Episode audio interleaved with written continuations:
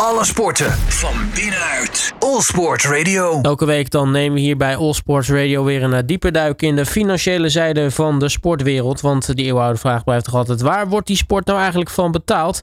Iemand die daar uh, zeer veel zicht op heeft. Dat is iemand die uh, zelf ook onderdeel is van die wereld. Sportmarketeer Frank van der Walbaken. Frank, hele goedemiddag. Goedemiddag, Robert. En jij wilde beginnen met een, uh, een, een, een mooi voorbeeld van ja, eigenlijk hoe de nieuwe manier van sponsoring kan. En dat is natuurlijk meer dan enkel een, een zak geld over de, de, bühne smijten.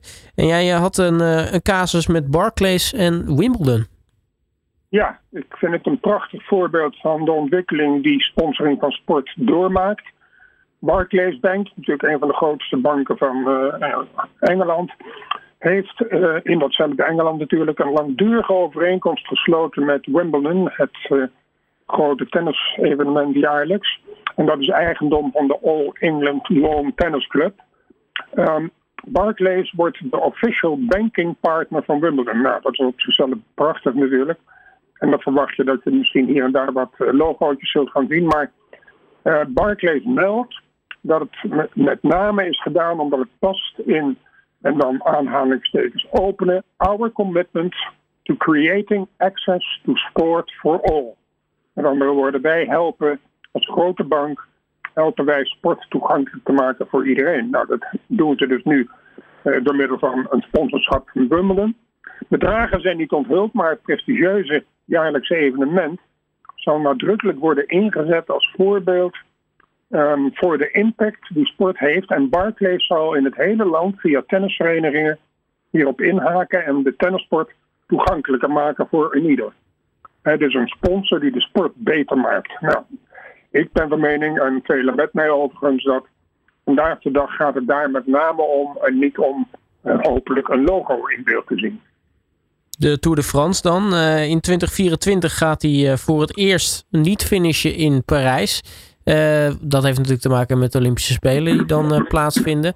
Maar dat, dat heeft nogal wat voeten in de aarde. Want nou ja, een, een, Tour die niet finisht in Parijs, nou ja, dat is toch een beetje een soort van breken met traditie. Ja, de, de, de, de aloude traditie sinds het evenement bestaat dat de Tour finish op de Champs-Élysées in Parijs.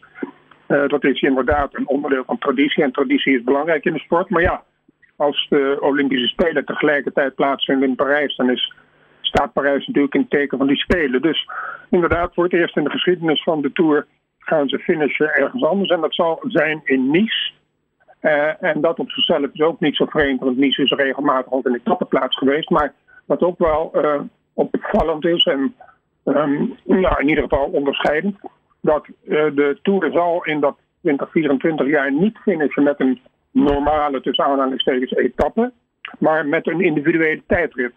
Dus er zijn twee veranderingen in die Tour van 2024. De finishplaats en de laatste etappe. Dan gaan we naar eh, Manchester United, want uh, die club die is te koop. Ja, dat is natuurlijk nieuws. Hè. Er zijn veel clubs te koop en er worden ook veel clubs gekocht maar Manchester United is natuurlijk toch bijna een unieke club. Of althans, past wel in het rijtje van de Real Madrid en de Bayern München en de Barcelona's van deze wereld. De club is te koop. De, de Amerikaanse Glazer family, eh, die is sinds 2005 de eigenaars van de, zijn eigenaars van de club. Die nemen kennelijk afstand. Ik denk dat dat komt door de vraag vanuit de markt, maar dat heb ik nergens nog kunnen lezen op niet. Maar in ieder geval, in 2005 kocht die familie de club voor 790 miljoen pond. En de verwachting is nu dat de club minimaal 4,5 miljard pond zal opbrengen. Uh, Rothschild Co., ook niet de eerste de, beste, de beste bank, is ingeschakeld als de financiële adviseur voor de Glazer-familie.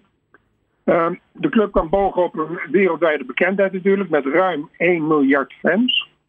En uh, en fans en volgers natuurlijk. Eh, de media in Engeland speculeren al op een koop door Engels rijkste meneer Sir Jim, Jim Radcliffe. Dat is de man van Ineos. Die heeft ook een gelijknamige wielenploeg, zoals allemaal bekend. Die bezit reeds 30% van de aandelen in het Mercedes Formule 1 team. Die is eigenaar van de League uh, Club in Frankrijk, Nice. En uh, financiert de Britse America's Cup boot uh, en de man zelf is goed voor 13 miljard pond. Pikant in, in deze berichtgeving en in deze geruchten is dat David Beckham zichzelf aanmeldt om deelgenoot te zijn van welke koper dan ook. Dus David Beckham, een voormalige speler natuurlijk uh, voor Manchester United, uh, die tegenwoordig meer in Amerika woont dan in Engeland, uh, heeft zich aangemeld om toch betrokken te zijn in deze deal. En ik kan me voorstellen dat een potentiële eigenaar best wel Beckham aan boord wil hebben, al is het alleen maar voor de publiciteit. Um, extra pikant is, en dat is wel zeer vermeldenswaardig, is dat Saoedi-Arabië officieel heeft laten weten dat de regering, lees het PIF, en dat staat voor Private Investment Fund, en dat is weer eigendom van de kroonprins, Mohammed bin Salman, uh, waar trouwens bij dat PIF een geldpot staat van ruim 200 miljard dollar, uh, biedingen vanuit Saudi-Arabië zou steunen. Uh, en steunen moet je vertalen als financier uiteraard. Zelf kan dat PIF niet uh, kopen, omdat Newcastle United uh, vorig jaar al is verkocht voor 350 miljoen. Uh, en de Engelse Premier League staat niet toe dat één eigenaar twee clubs bezit in de Premier League. Ehm, datzelfde PIF voegt er nog aan toe dat dit ook geldt, die financiële steun dus, voor de koper van Liverpool. Want Liverpool zou ook te koop staan uh, door de Fenway Group. Uh, maar goed, uh, het is dus redelijk rumoerig in Engeland rond de smaakmakende en spraakmakende Premier League clubs die al of niet gaan worden verkocht.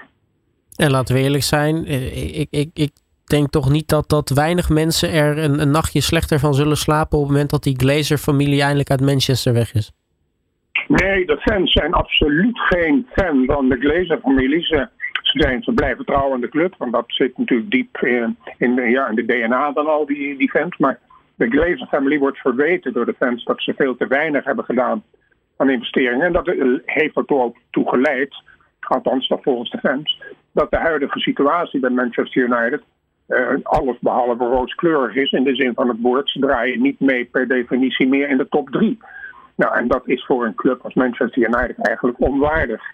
Dus de fans zijn inderdaad, zullen absoluut blij zijn als er een nieuwe eigenaar komt die ook weer bereid is te investeren. En ik ken nog wel iemand anders die er ook blij mee zal zijn. Dat is Erik ten Hag natuurlijk. Ja, en nu uh, als we dan toch over uh, United hebben, die waren natuurlijk uh, tijdens het WK ook nou ja, in het nieuws. dat had meer te maken met nou ja, inmiddels de afvallige Cristiano Ronaldo. Uh, want die zien we inmiddels terug in Saudi-Arabië. Ja, Cristiano Ronaldo is uh, bijna meer nieuws dan het, dan het WK in Qatar. Uh, althans, hij, hij zorgt daarvoor door zijn gedrag. Nou ja, hij is min of meer weggestuurd of weggegaan, dat laat ik even het midden, bij Manchester United. Erik ten Hag durfde het aan, wat ik moedig vind, om hem niet op te stellen. Omdat hij gewoon ja, een soort luis in de pels was in, in de ploeg. Nou, dat is, daardoor is de speler nu vrij. En hij schijnt intussen, dat wordt allemaal overal bevestigd, een contract getekend te hebben bij een club Al Nasser uit Saudi-Arabië. En uh, ik hoop dat je zit, uh, Robert.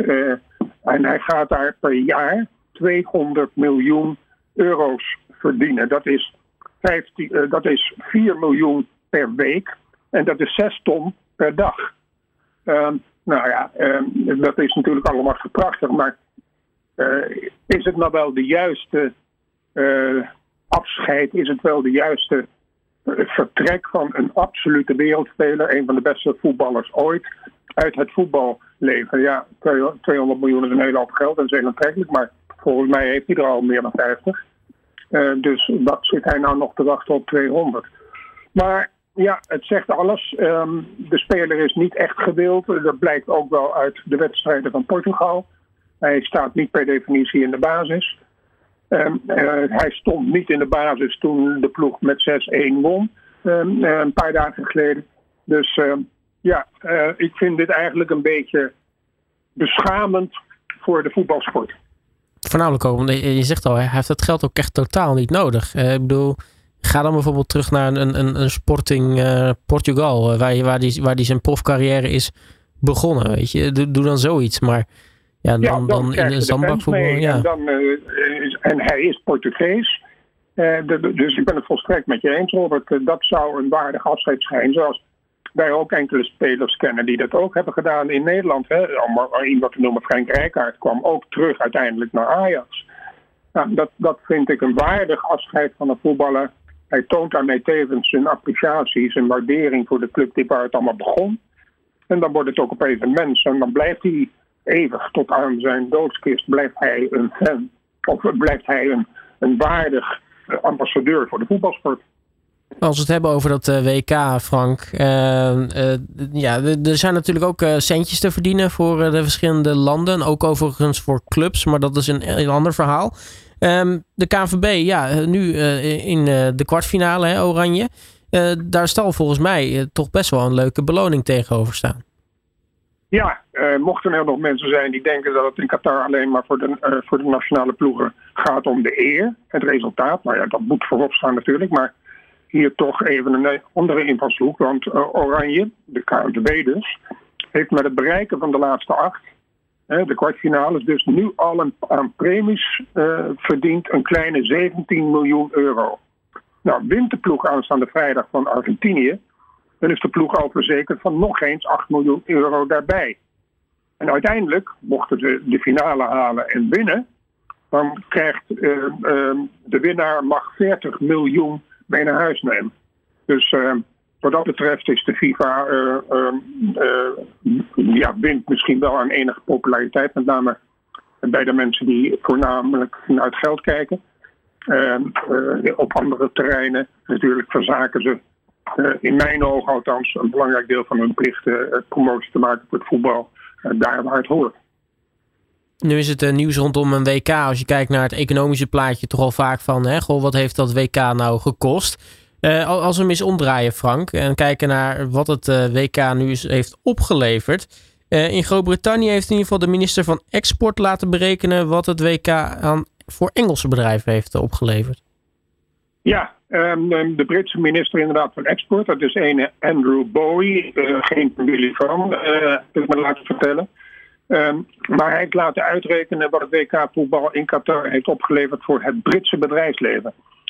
Het resultaat is ruim 1 miljard pond. En dat is een geluid dat ook wel eens gezegd mag worden. Want uh, we hebben natuurlijk, uh, staan allemaal met z'n allen vooraan in de rij met kritiek. En uh, in, in de meeste gevallen terecht. Maar dit zijn toch ook belangrijke zaken voor een land. Even los van het feit dat Qatar natuurlijk voor heel veel landen, inclusief Nederland, een zeer belangrijke bron is voor energieleveranties in de toekomst. En we willen geen van allen toch eh, een koude winter maken zonder verwarming. Maar goed, vanuit Den Haag horen we uh, dat niet. Maar we horen wel veel over een minuscuul klein speltje dat minister Helder droeg op haar mantelpak. Maar goed, dat is een verschil van aanpak uh, per land. Maar die 1 miljard die het, het Britse bedrijfsleven oplevert, um, levert business op voor 35 bedrijven en dan heb ik het nog niet eens over de banen die die 1 miljard natuurlijk ook opleverde. Dus uh, dit is een geluid, dat wilde ik toch ook maar eens even meenemen, omdat het nauwelijks of geen aandacht krijgt. Nu denkt uh, Qatar, goh, dat WK gaat wel erg lekker. Uh, wij willen meer van dit soort grote sportevenementen gaan organiseren. dus we hebben volgens mij gelijk een kandidaatstelling te pakken voor de Olympische Spelen van 2036. Ja, um, uh, kennelijk zijn ze bij Qatar zelf zo onder de indruk van de organisatie. En dat zou ook best wel kunnen zijn, dat het allemaal perfect is georganiseerd.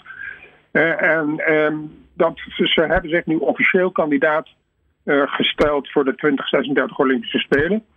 Ehm, voor de goede orde even in 2024 hebben we dus Parijs, waar we het net ook al over hadden. In 2028 is al tijden geleden benoemd Los Angeles. En in 2032 is dat Brisbane. Dus de eerstkomende spelen die nog vrij zijn wat organisatie betreft, zijn die 2036 spelen. En daar heeft Qatar zich nu officieel voor gemeld. Pikant is dat Saudi-Arabië dat ook gaat doen. Dat is althans het gerucht dat constant uh, rondzinkт. En als een gerucht zich constant herhaalt, dan zit er een kern van waarheid in, zeker in de sportwereld. Uh, maar dus Saudi-Arabië ook voor de 2036 spelen. En, en dat uh, zijn serieuze concurrenten voor Qatar. Dus ik zou mij benieuwen als Thomas, of Thomas Bach, de, de, hoogste baas van het IOC, of die net zo gevoelig is voor de centjes als uh, meneer Infantino van de FIFA. Want voor die 2036 Spelen hebben zich ook al gemeld Duitsland, Mexico, Indonesië, Zuid-Korea en India. Dus aan kandidaten uh, hoeven, we, niet over te klagen dat die te weinig zouden zijn. Maar dat het Midden-Oosten een nadrukkelijkere rol zal gaan spelen uh, in de toekomst in de organisatie van grote evenementen. En dus niet alleen de Olympische Spelen of WK voetbal, maar ook de WK's in andere populaire sporten als atletiek. Uh, heeft ja, al reeds in Qatar plaatsgevonden, maar in wielrennen, in zwemmen, noem het allemaal maar op. Uh, het Midden-Oosten heeft duidelijk gekozen voor sport. En dan te bedenken dat Saudi-Arabië zich ook kandidaat heeft gesteld voor het WK voetbal in 2030. Uh, dan zijn er ja. toch in, in, een, in, een paar, paar jaar tijd alle sportevenementen in het Midden-Oosten geweest. Ja, en dan nog een, een, extra pikante dat ik al eerder gemeld heb, maar ik roep het even op in de herinnering. voor de Aziatische winterspelen, winterspelen, die zijn niet alleen wilde Saudi-Arabië organiseren, maar die zijn al toegekend aan Saudi-Arabië. Nou, er zijn inderdaad een paar bergen ergens in Saudi-Arabië, daar gaan ze dan met kunstmatige sneeuw gaan ze ervoor werken, maar dan zou het zomaar kunnen zijn dat je in een graadje of 20, 25 dat je uh, aan het skiën bent uh, op kunstmatige sneeuw. Maar goed, uh, niets verbaast mij meer in de wereld van sport. Dat lijkt Sochi wel. Hey, uh, dan uh, het hebben over uh, toch die laatste acht van het WK. En dan de, de strijd der nou ja, shirtmakelaars en, en sponsoring en dergelijke. daar heb je toch een klein overzichtje van gemaakt. Ja, dat vond ik wel pikant. Ik hou dat altijd redelijk goed bij. we hebben in die laatste acht landen, zijn er maar liefst zes van de acht, die spelen in Nike-outfit. eentje in Adidas, uh, dat is de Argentinië, de tegenstander van Oranje aanstaande vrijdag. En eentje in Puma, en dat is Marokko. Maar de andere zes landen dus allemaal in Nike-outfit. Dus het lijkt erop dat Nike wel een hele goede kans heeft om daar als winnaar uit de bus te komen. dan de hoofdsponsors van die acht teams, die acht nationale teams, die zijn verdeeld. Er zit een telecom, er zitten twee keer telecombedrijven in, er zit een toerismebedrijf in, er zit ook een cryptobedrijf in. Maar drie van de acht uh, worden gesponsord door een bank. En dat is Brazilië, dat is Nederland natuurlijk, door ING. En Frankrijk door Crédit Agricole. Dus uh, de banken, dat geven daarmee mee aan, wat ik ook al vaker heb gememoreerd in deze podcast. Dat die hebben natuurlijk een, een, een groter probleem dan vele andere bedrijven om zichzelf te onderscheiden met hun producten. Want elke bankrekening en elke hypotheek heeft ongeveer dezelfde condities. Dus zij moeten zich en kunnen zich eigenlijk alleen onderscheiden in de vorm van communicatie en in de vorm van naar buiten treden. En dan is sponsoring van sport kennelijk, en in mijn ogen natuurlijk, een hele goede oplossing. Dan uh, tot slot, uh, Frank, uh, de Formule 1. beginnen met Liberty Media, want die heeft inmiddels de sprintraces voor volgend seizoen ingedeeld. Ja, volgende seizoen hebben we zes sprintraces. Hè. Dat is dus op de zaterdag voor de zondag. Dat daar de startopstelling ook wordt bepaald voor de voor de zondag, de, de, de hoofdrace. Maar er kunnen in die sprintraces ook punten worden verdiend. Dus die tellen wel degelijk mee ook in de punten, kwalificatie, op de puntentelling voor het wereldkampioenschap. Nou, ze zijn bekendgemaakt voor 2023. Dat is in Oostenrijk, in Brazilië, Azerbeidzjan, België, Qatar en de Verenigde Staten. En in de Verenigde Staten moet ik even bijzetten, dat is in Austin en dus niet in Las Vegas, waarvoor het eerst een Grand Prix gaat plaatsvinden. Uh, het programma in 2023 telt 23 races. Dat waren er 24, maar China is officieel nu geschrapt. Vanwege toch de coronasituatie daar nog steeds. En wat heel goed nieuws is voor ons natuurlijk. Uh, Zandvoort is intussen gegarandeerd tot en met 2025 van een Grand Prix. Dus dat is uh, prettig nieuws voor ons alle, alle Max-fans. Dan tot slot de situatie Ferrari. Want we weten dat Matteo Binotto inmiddels weg is. Hè, de, de, de baas van Ferrari. maar dan is de logische vraag: wie gaat dat stokje nou eigenlijk overnemen? Ja, het is um, Mattia Binotto was sinds 2019 aan het roer. Dat is nog niet eens zo lang. Maar hij heeft natuurlijk in die periode heeft hij wel de nodige fouten gemaakt. Of hij ze zelf gemaakt heeft, dat weet ik natuurlijk niet. Maar hij was wel eindverantwoordelijk. Maar met name op het tactisch en het strategisch gebied heeft hij uh, echt uh, gefaald. En hij is, uh, hij is, vriendelijk toch dringend verzocht om zijn bureau leeg te maken. En per 31 december aanstaande staat hij op straat. Um, gefluisterd wordt dat hij wordt opgevolgd door Frederik Vasseur. Geen onbekende, want dat is de huidige baas van het Alfa Romeo Formule 1 team. Uh, dat binnenkort weer wordt overgenomen door Audi. En Audi kennen de Duitse grintigheid, die zullen hun eigen baas meenemen. Dus dan uh, zou dit best wel een logische stap kunnen zijn. En die Frederik Vasseur is een, een zeer ja, goed bekendstaande meneer in het Formule 1 circus. Dus die geruchten die zouden best eens op waarheid kunnen berusten. En dat was het weer, Robert. Nou, Frank, mag ik je hartelijk danken voor je tijd weer. En uh, spreek je volgende week uh, weer voor een, een, nieuwe podcast. Ja, tot volgende week. Alle sporten van binnenuit. All Sport Radio.